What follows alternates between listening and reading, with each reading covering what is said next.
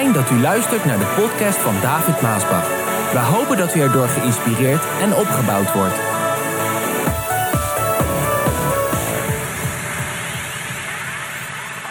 Het gevecht om Jeruzalem.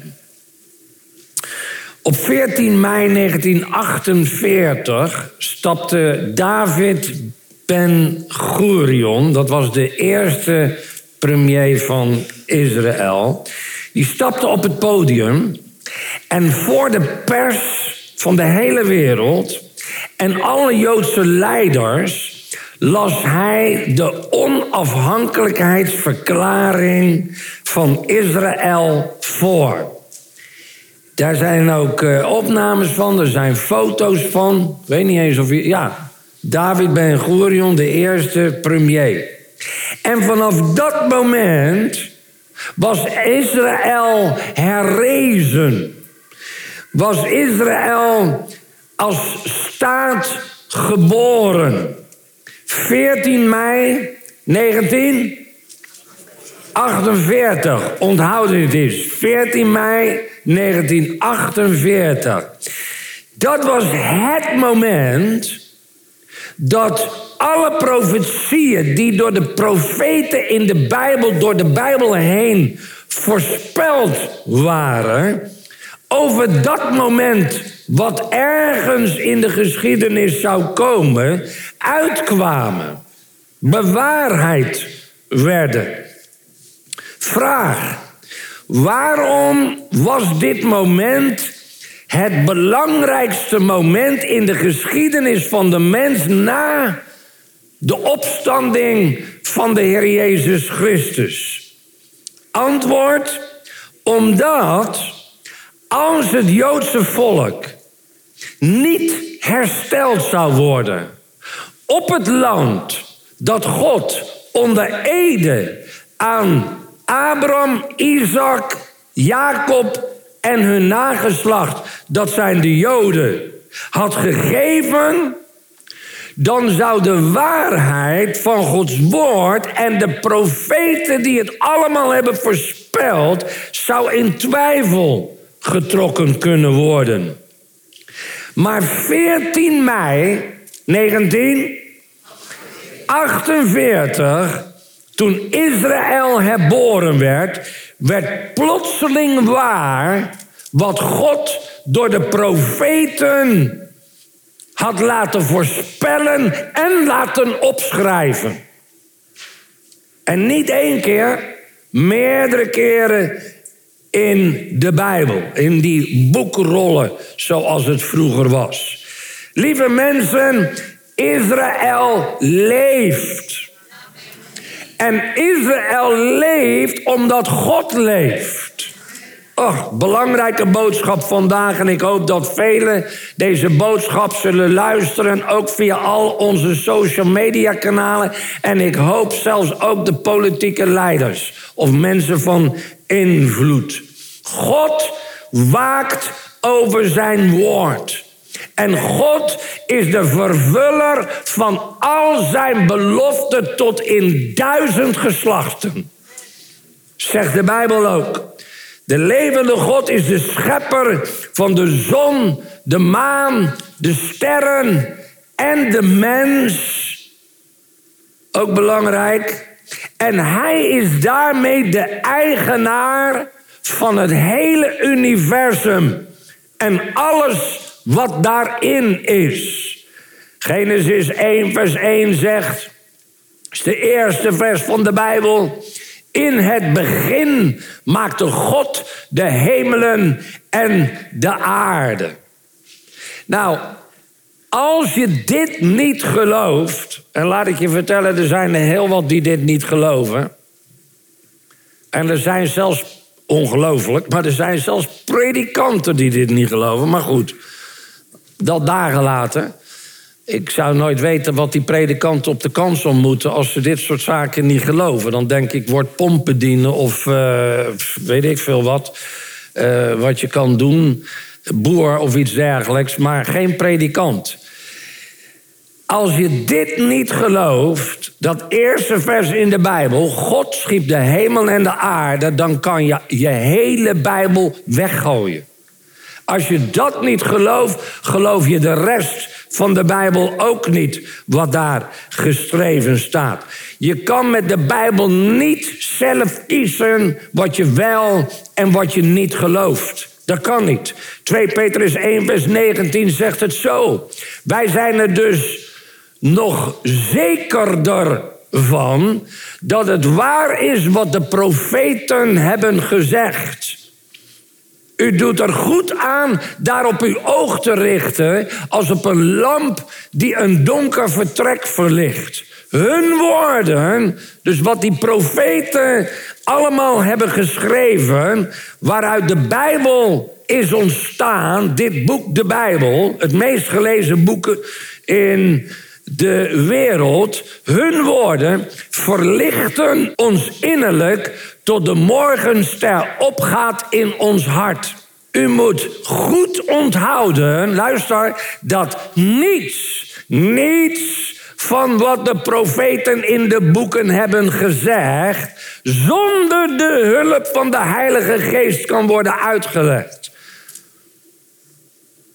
Want zij hebben die woorden niet zelf bedacht. Die schrijvers, die profeten en schrijvers hebben niet de Bijbel zelf bedacht.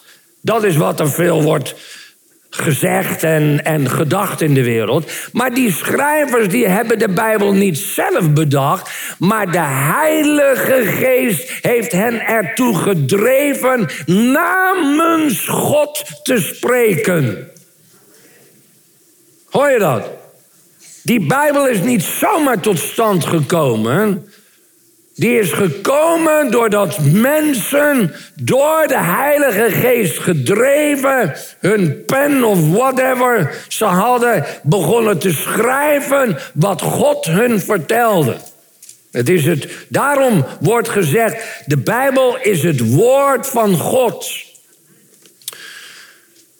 Als schepper van hemel en aarde heeft God het recht om met de aarde te doen wat hij wil.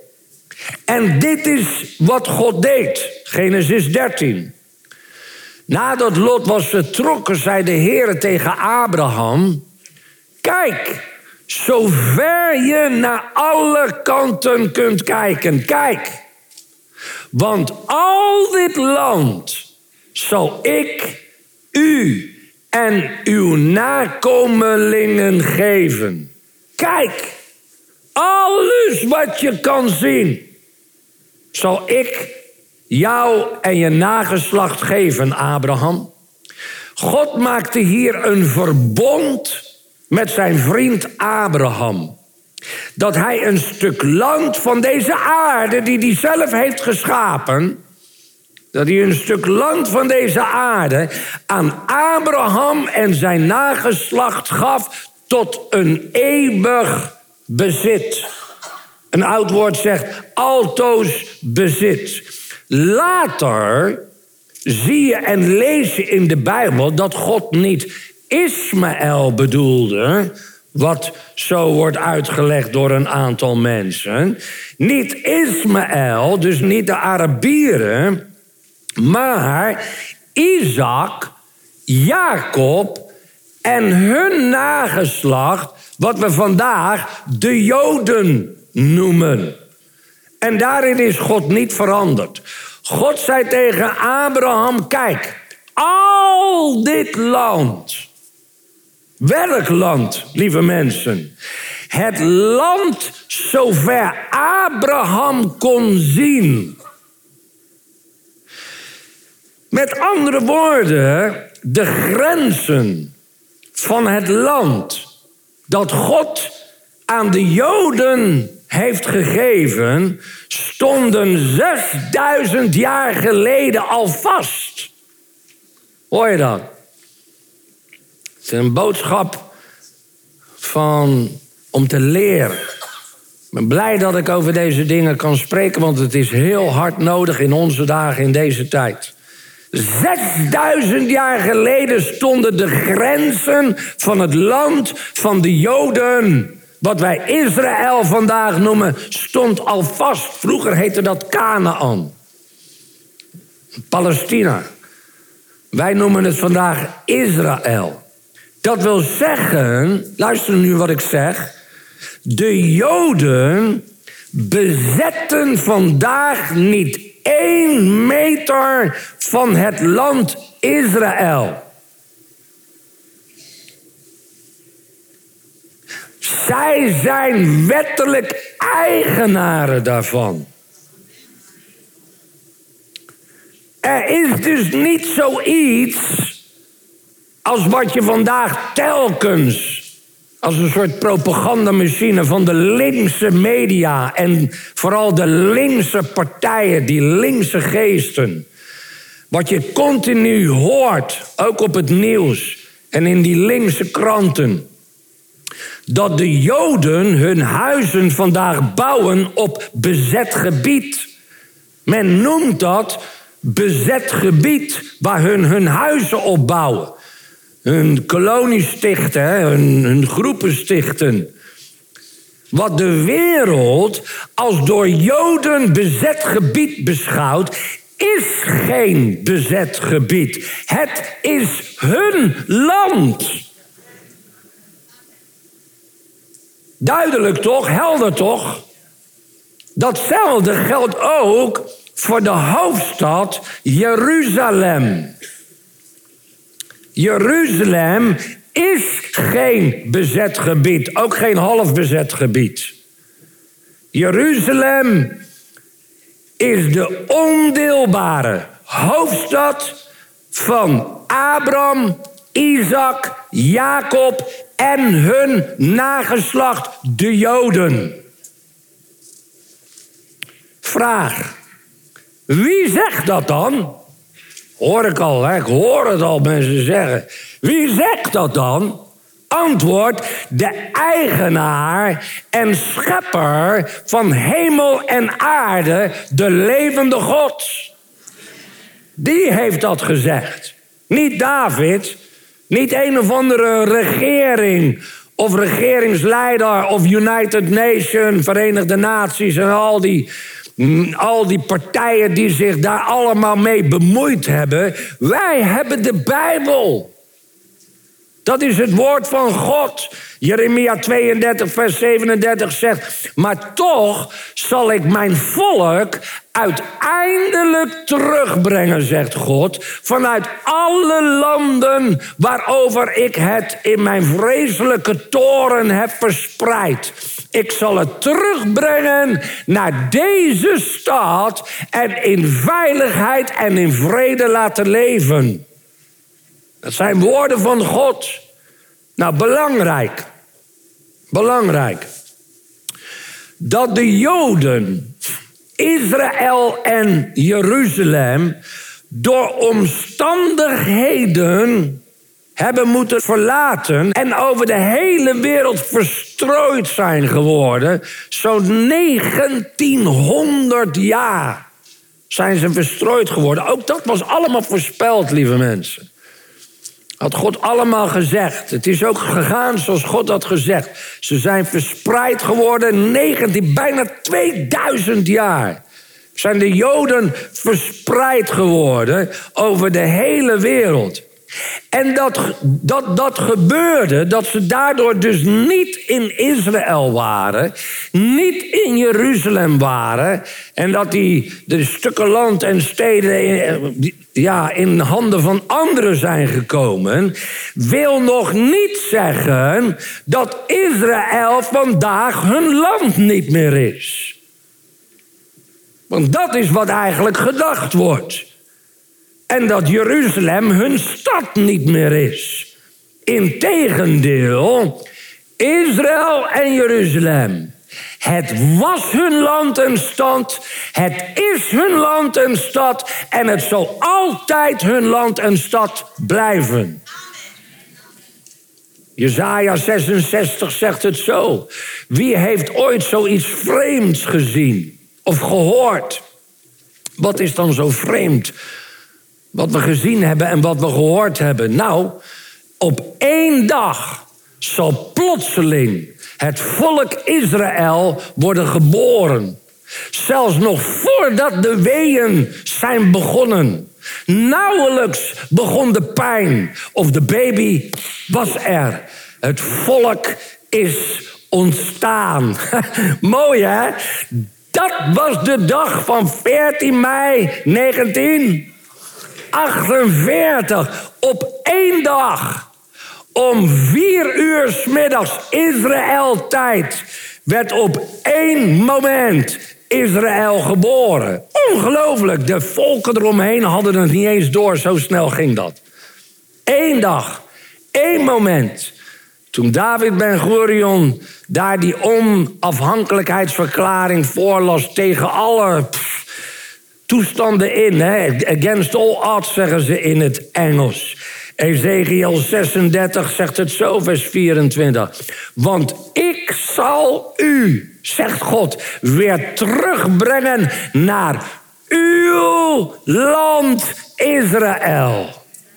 God zei, ik zal u weer terugbrengen naar jouw vaderland, naar jouw land. Uw land Israël, zegt God. Dat is toch heldere taal, of niet? Uw land. Dat wil zeggen, de Joden zijn hun land niet kwijtgeraakt omdat ze door omstandigheden niet aanwezig waren. Nee, Israël is nog steeds hun land. En het feit dat Israël op 14 mei 1948 herboren is, bewijst dat de levende God zich aan zijn woord houdt. Prachtig, lieve mensen. Het bewijst dat het Joodse volk nog altijd Gods oogappel is. Zacharias 2, vers 8 zegt het zo. De Heer van de hemelse legers, vol van macht en majesteit, heeft mij, dat was de profeet daar, profeet Jeremia, uh, naar de volken gestuurd door u door wie u onderdrukt werd. Want wie u aanraakt, wie de Joden aanraakt, wie Israël aanraakt, raakt Gods oogappel aan. Luister, dit zijn woorden van God hoor. Wie Israël aanraakt, wie de, David, ben jij zo gek dan op de Joden? Lieve mensen, ik ken de Joden niet eens op een manier zoals ze vandaag gaan. Ik ben er zelf geweest, bij de klaagmuur gestaan. Ik heb al die zwarte uh, mannen uh, zien, zien, zien bidden en al die dingen meer. Die Joden, die Joden, dat kan ook een heel irritant volk zijn. De Bijbel zegt, God heeft zich 40 jaar aan dat volk geïrriteerd in de woestijn. Zegt de Bijbel. Dus zulke lievertjes zijn het niet. En ik verromantiseer dat land niet. Ik verromantiseer dat volk niet. Ik zeg alleen wat feitelijk de Bijbel zegt als waarheid. Dat is wat ik zeg. En hoe dat volk verder leeft, en, en dat is een zaak tussen God en zijn volk. Maar ik zeg de waarheid. Wat de Bijbel ons zegt. Als je Israël aanraakt, dan raak je Gods oogappel aan. Wie de Joden aanraakt, raakt Gods oogappel aan. En laat ik je dit zeggen: er zijn vandaag heel veel mensen, heel veel politieke leiders die Gods oogappel aanraken. Ze prikken als ware hun vinger in Gods oog. Dat is eigenlijk wat ze doen. En laat ik je dit vertellen, wie je ook bent, als je kijkt ook en je bent zo iemand. Als je dat doet, dan moet je niet vreemd staan dat je een boze God tegenover je krijgt. En een reactie van hem. Je krijgt een reactie. Zowel op, het, op, op de leiders als ook op het land, als het volk en iedereen die dat doet. Dat is wat de Bijbel zegt moeten horen en goed luisteren wat de Bijbel zegt. Hoe je het ook draait of keert, volgens de Bijbel is het Joodse volk een door God uitgekozen volk. Hoe je het ook draait of keert. En Exodus 4, vers 21, daar noemt God Israël zijn eerstgeborene zoon. God noemt Israël zijn eerstgeborene zoon. En God heeft nog altijd, ook vandaag, een verbond met Israël. Een verbond met zijn eerstgeborene zoon. Psalm 105, vers 6 zegt het zo. U bent het nageslacht van zijn dienaar Abraham en kinderen van Jacob. Hij heeft u uitgekozen. De Heere is onze God en hij oordeelt alles op aarde. Het verbond dat God met u sloot, zal hij nooit vergeten. Hij sloot het met het hele volk Israël. Voor altijd. Evenmin vergeet hij ooit zijn verbond met Abraham en de belofte aan Isaac. Zijn woord was een stevig houvast voor Jacob en een eeuwige afspraak met Israël. Helder toch? Helder toch? God heeft een verbond. Trouwens, hij heeft ook een verbond met ons. Daar mogen we ons ook aan vasthouden in zijn zoon. Vraag. Wie zit er achter die felle anti-Israël strijd en propaganda? Wie zit daarachter? Nou, natuurlijk, in ieder geval Hamas en Hezbollah. Dat zijn partijen die waar u denk ik wel over gehoord hebt, die Israël continu bestoken met raketten. Kijk, dat je altijd dat, dat vertekend beeld en schuin nieuws krijgt vanuit de linkse media, want ook het nieuws is, is links, vooral ook de NOS. Je krijgt altijd vertekende beelden, dan wordt er altijd over Israël, maar ze vergeten om erbij te vermelden hoe eerst altijd Hamas en Hezbollah raketten afschieten. En allerlei aanslagen plegen waarop Israël reageert. En ook mag reageren, want ze moeten zich verdedigen kunnen. Dat lijkt me ook logisch. Ik vind het altijd zo zot. Dan denk ik, ja, als ze straks aan de grenzen van Nederland staan, dan hoop ik dat we hier ook de boel zullen beschermen in Nederland. En dat wij beschermd worden als burgers door de overheid. Maar achter Hezbollah en Hamas, daarachter zit Iran. Nou, als er één duivels regime is, regime is in de wereld, dan is het een regime van Iran. Laat ik je dat wel vertellen. En alsjeblieft, leiders, deal niet met ze, geloof niet in ze. Het zijn duivelse leiders. Maar wat de meesten niet weten, is dat daarachter zit Rusland. De grote beer. De grote beer, Rusland en nu ook eigenlijk wel China. Vraag. Hoe komen Hamas en Hezbollah aan al die wapens als arm volkje om Israël maar te blijven bestoken? Hè? Duizenden raketten. Hartstikke duur. Hoe komen hun daaraan? Nou, die krijgen ze van Iran. Het heeft allemaal met elkaar te maken. Hoe komt Iran daar dan weer aan? Nou, die krijgen het weer van Rusland. Zo zit de wereld nou eenmaal in elkaar. En China wringt zich nu ook in het vacuüm van het Midden-Oosten wat er is ontstaan. En dat is weer de reden dat als de United Nations, de Verenigde Naties, Iran willen aanpakken, dat China en Rusland altijd hun veto gebruiken om dat te blokkeren.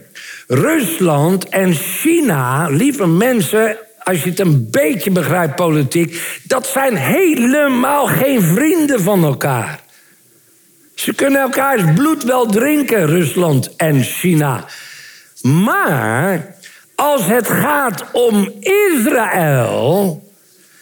En als het gaat om Amerika uit het Midden-Oosten te krijgen, dan vinden zij elkaar. Net als al die broeders om Israël heen Dat zijn ook geen vrienden van elkaar, al die broers. Het zijn allemaal broers, hè? Is één grote familie in het Midden-Oosten. Al die broers zijn geen vrienden met elkaar. Die kunnen elkaars bloed ook wel drinken. Maar als het op Israël aankomt, vinden ze elkaar. Waarom? Ook van Rusland en China om Amerika uit dat Midden-Oosten te krijgen. Waarom? Niet alleen het geld of de olie, zoals sommigen dan denken. Maar zodat Israël niet beschermd wordt door Amerika die daar aanwezig is wanneer hun legers daar naartoe gaan optrekken. Luister, lieve mensen. Zij begrijpen het zelf nog niet eens misschien wat hun drijft. En wat ik vandaag vertel en uitspreek, zijn geen complotideeën, complottheorieën, want dat zijn er ook een hele hoop. Wees alsjeblieft voorzichtig met al die complotdingen. En, en, en het internet brengt je er zo in. Het zijn geen dit zijn dingen die zijn voorspeld. Dit zijn dingen waar de Bijbel over gesproken heeft. De Bijbel ons vertelt wat er komen gaat en wat er gebeuren gaat. Ik heb het niet over dat complotidee van de Great Reset. Heb je daarvan gehoord? Ja, dat zou toch eergisteren gebeuren? De grote reset. zou een hele grote reset zijn op 15 oktober. Ik heb uh, eh, 100 flessen water ingeslagen. Ik heb uh, eh, 20 blikken ragout ingeslagen. En allerlei meel, al die dingen. Wat moet ik er nou mee? Het is weer niet gebeurd. Ja, dat was een grapje, dat laatste. Maar er zijn er die dat doen. Maar dat is zot. Niemand weet wanneer dan de Vader alleen wanneer dit allemaal gaat gebeuren. Maar de Bijbel leert ons wel dat het gaat gebeuren.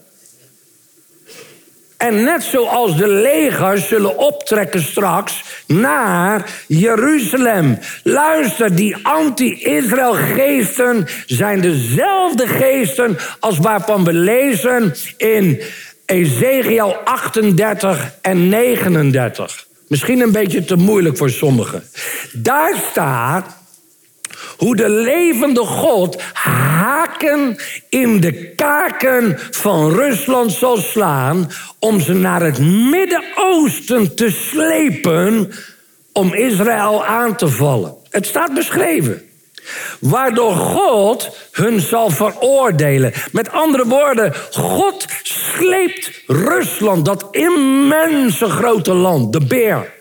Je doet er met een vliegtuig zeven uur over om van de ene naar de andere kant te komen. Die sleept God met haken in de kaken naar hun veroordeling. Dat is wat er gaat gebeuren.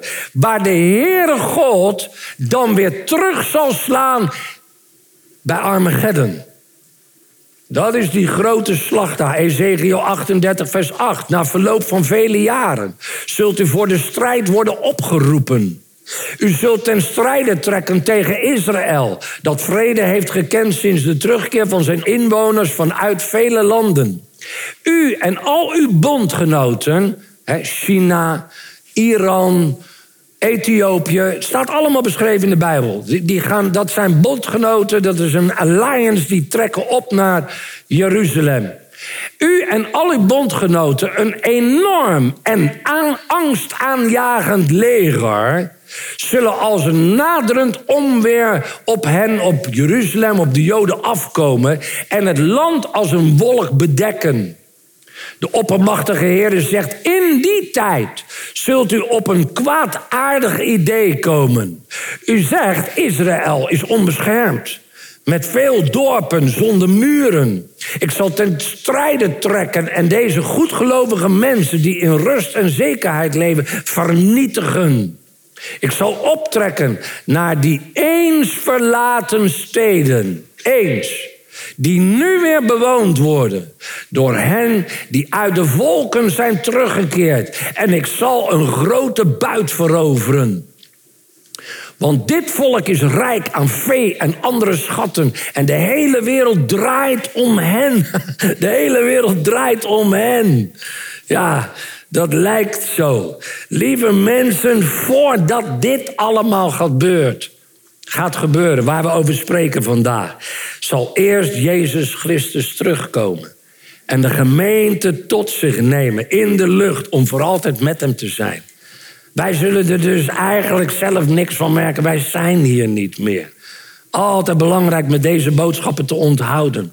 Ofwel, de opname zal plaatsvinden. En daarom zeg ik vandaag ook: het is later dan je denkt. Het is later dan je denkt. Alle spelers staan al op het veld. Er is zoveel gaande in de wereld. Alles waar wij kinderen Gods vandaag op wachten, is de trompetbaschuin van de Heere God. En dat Jezus zal wederkomen en dat wij Hem tegemoet gaan in de lucht. Het gaat gebeuren. Wanneer? Ik weet het niet. Van mij hoor zal je nooit een datum horen. Maar het gaat gebeuren. En als jij nog niet klaar bent, zorg er dan vandaag nog voor dat je gereed bent om Jezus te ontmoeten in de lucht. Onthoud één ding. Jeruzalem is de klok. Jeruzalem is de klok. Alles wat er in de wereld gebeurt, begint in Jeruzalem. Jeruzalem is het middelpunt van de aarde. Dit is wat de Bijbel zegt in Psalm 122. Bid voor de vrede van Jeruzalem. Dat ieder van, de stad, van die stad houdt rust mag ervaren. Maar weinig mensen die begrijpen eigenlijk vandaag, ook christenen, die begrijpen eigenlijk vandaag de bovennatuurlijke connectie die God heeft met Israël. Met, met het land Israël, met de Joden en met de stad Jeruzalem. Weinig begrijpen dat. Jeruzalem is de stad van David, die God in zijn woord de zijne noemt. Jeruzalem is de plaats waar Abraham zijn Isaac op het altaar legde. En dat God voorzag in een plaatsvervanger. Jeruzalem is het altaar waar God zijn enige geboren zoon, Jezus Christus, op het altaar legde. Op het kruis. Om, om te dienen als een offer voor de losprijs, voor de zonde van alle mensen. Jeruzalem is de plaats waar het eigenlijk allemaal nog gaat gebeuren als Jezus wederkomt. Jeruzalem is eigenlijk ook het begin van onze westerse beschaving. Dat weten sommigen ook niet. Jeremia 7 zegt het zo. Opnieuw sprak de Heer tegen Jeremia. Ga naar de ingang van de tempel. Zeg tegen de mensen, zeg tegen het volk van Juda.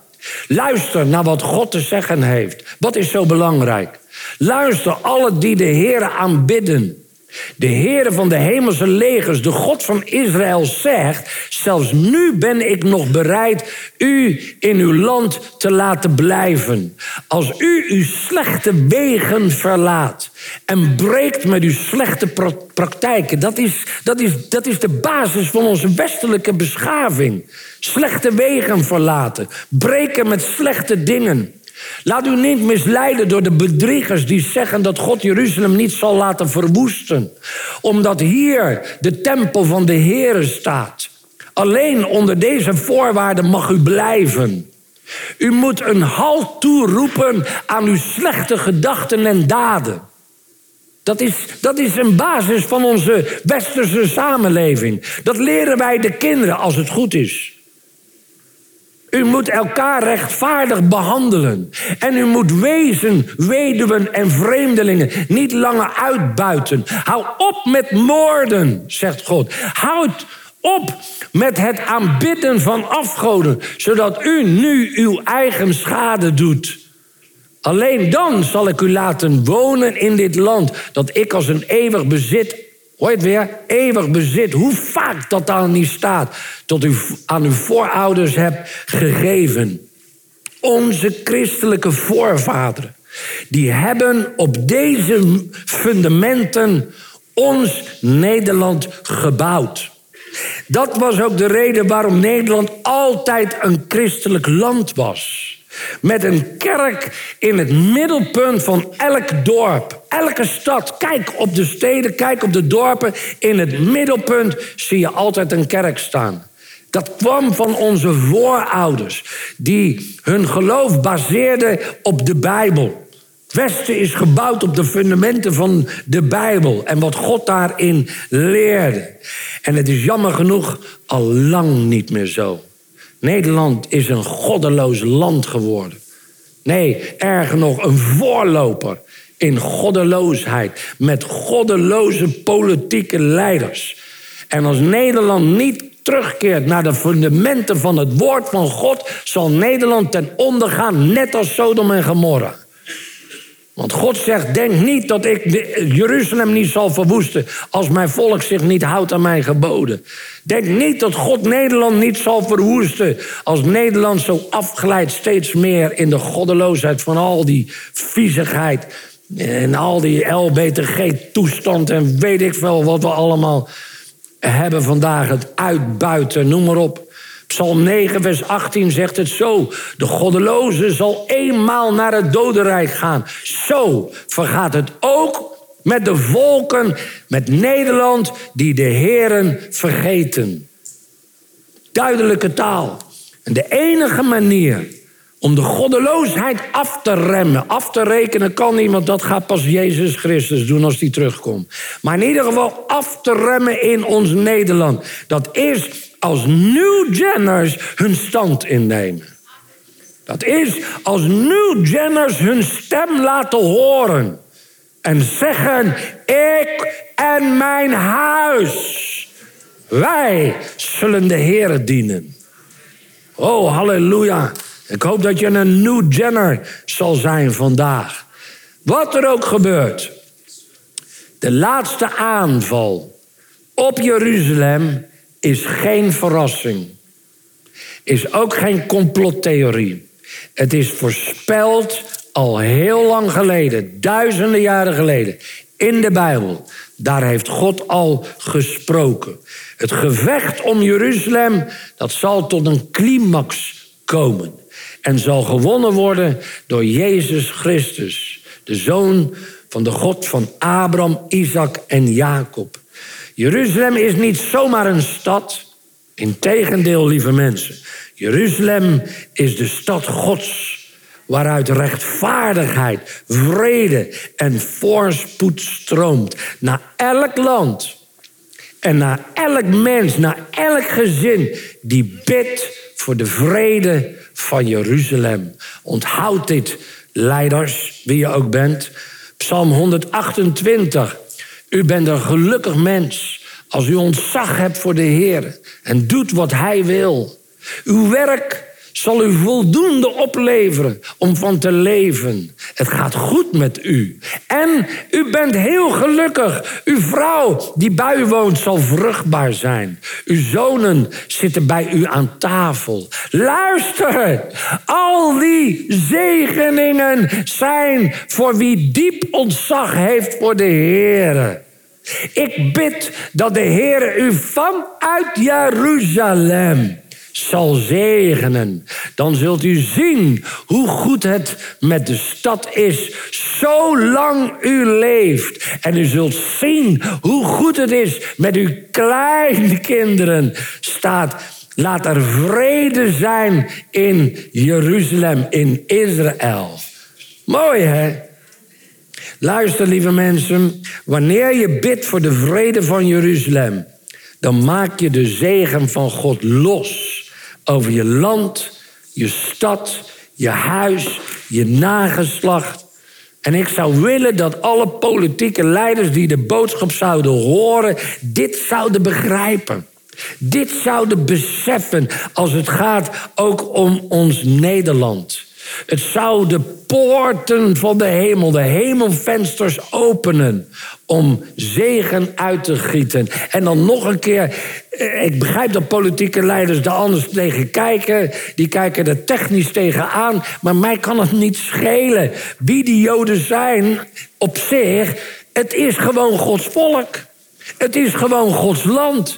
En God is hij, hij, zegt dit. Bid voor de vrede van Jeruzalem, zodat je vrede mag hebben. Zodat je gezegend zal worden. En president Trump, die heeft dit begrepen.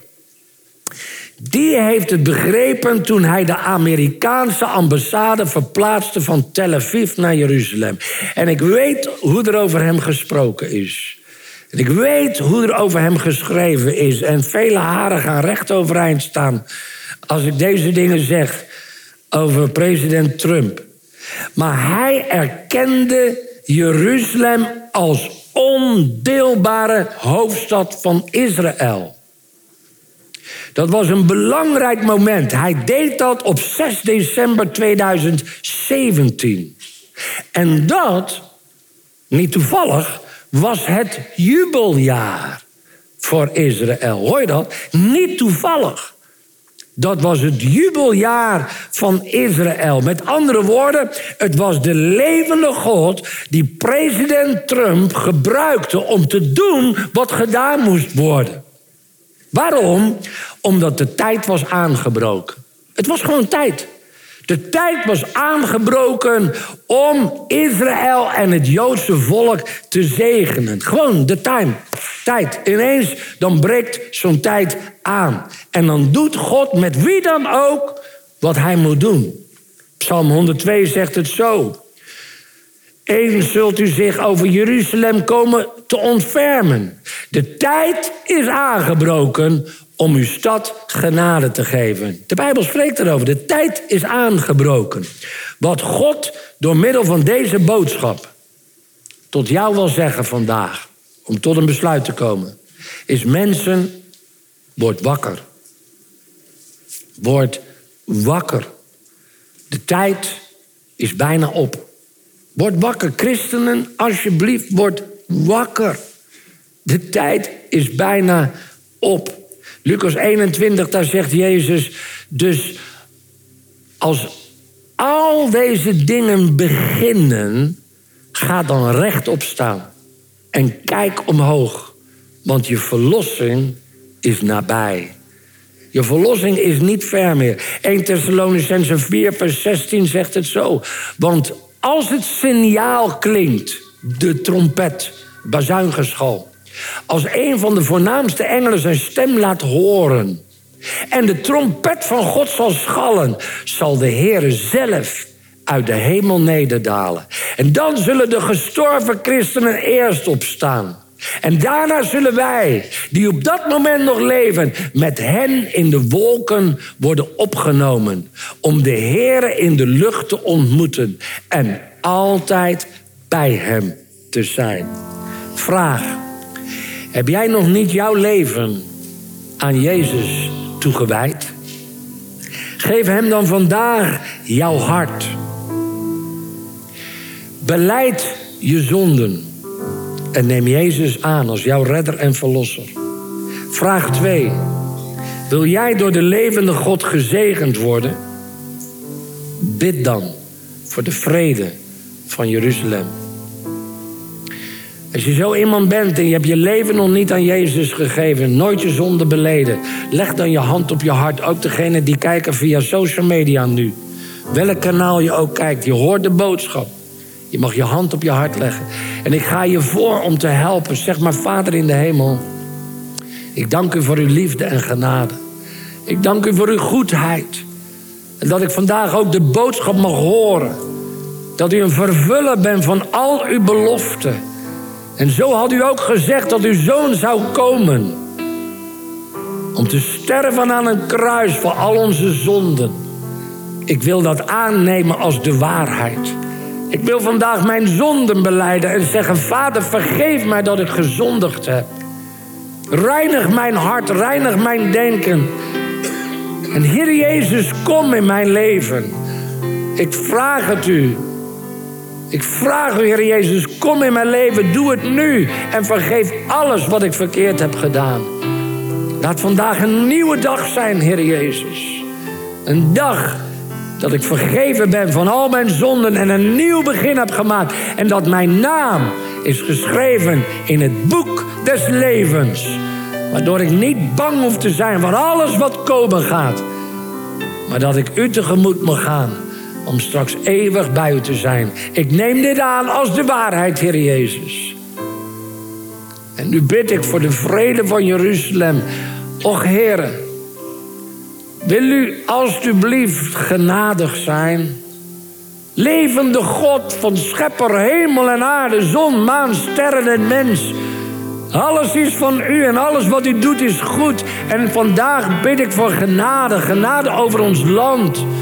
Genade over allen die tegen u ingaan. O God, wees genadig. We bidden voor de vrede van uw volk. We bidden voor de vrede van Israël. We bidden voor de vrede van Jeruzalem. Heer, u hebt gezegd als we dat doen, dan zal u ons zegenen. Zo bid ik voor de leiders van ons land. Heer, dat u door uw Heilige Geest de ogen van hun hart zal openen. Dat u de sluier zal weghalen. Dat ze de waarheid zullen zien. Doordat uw Heilige Geest het hen openbaart. Heer, dat u een levende God zijt. Dat uw woord, de Bijbel, de waarheid is. En dat Israël uw volk is. Och, en daarom willen wij ook vandaag achter uw volk staan. Achter Israël staan, heren. Zoals u het gezegd hebt in uw woord, zal het allemaal geschieden zoals u het heeft gezegd. Dank u wel, Heer. In Jezus' naam. Amen. Amen.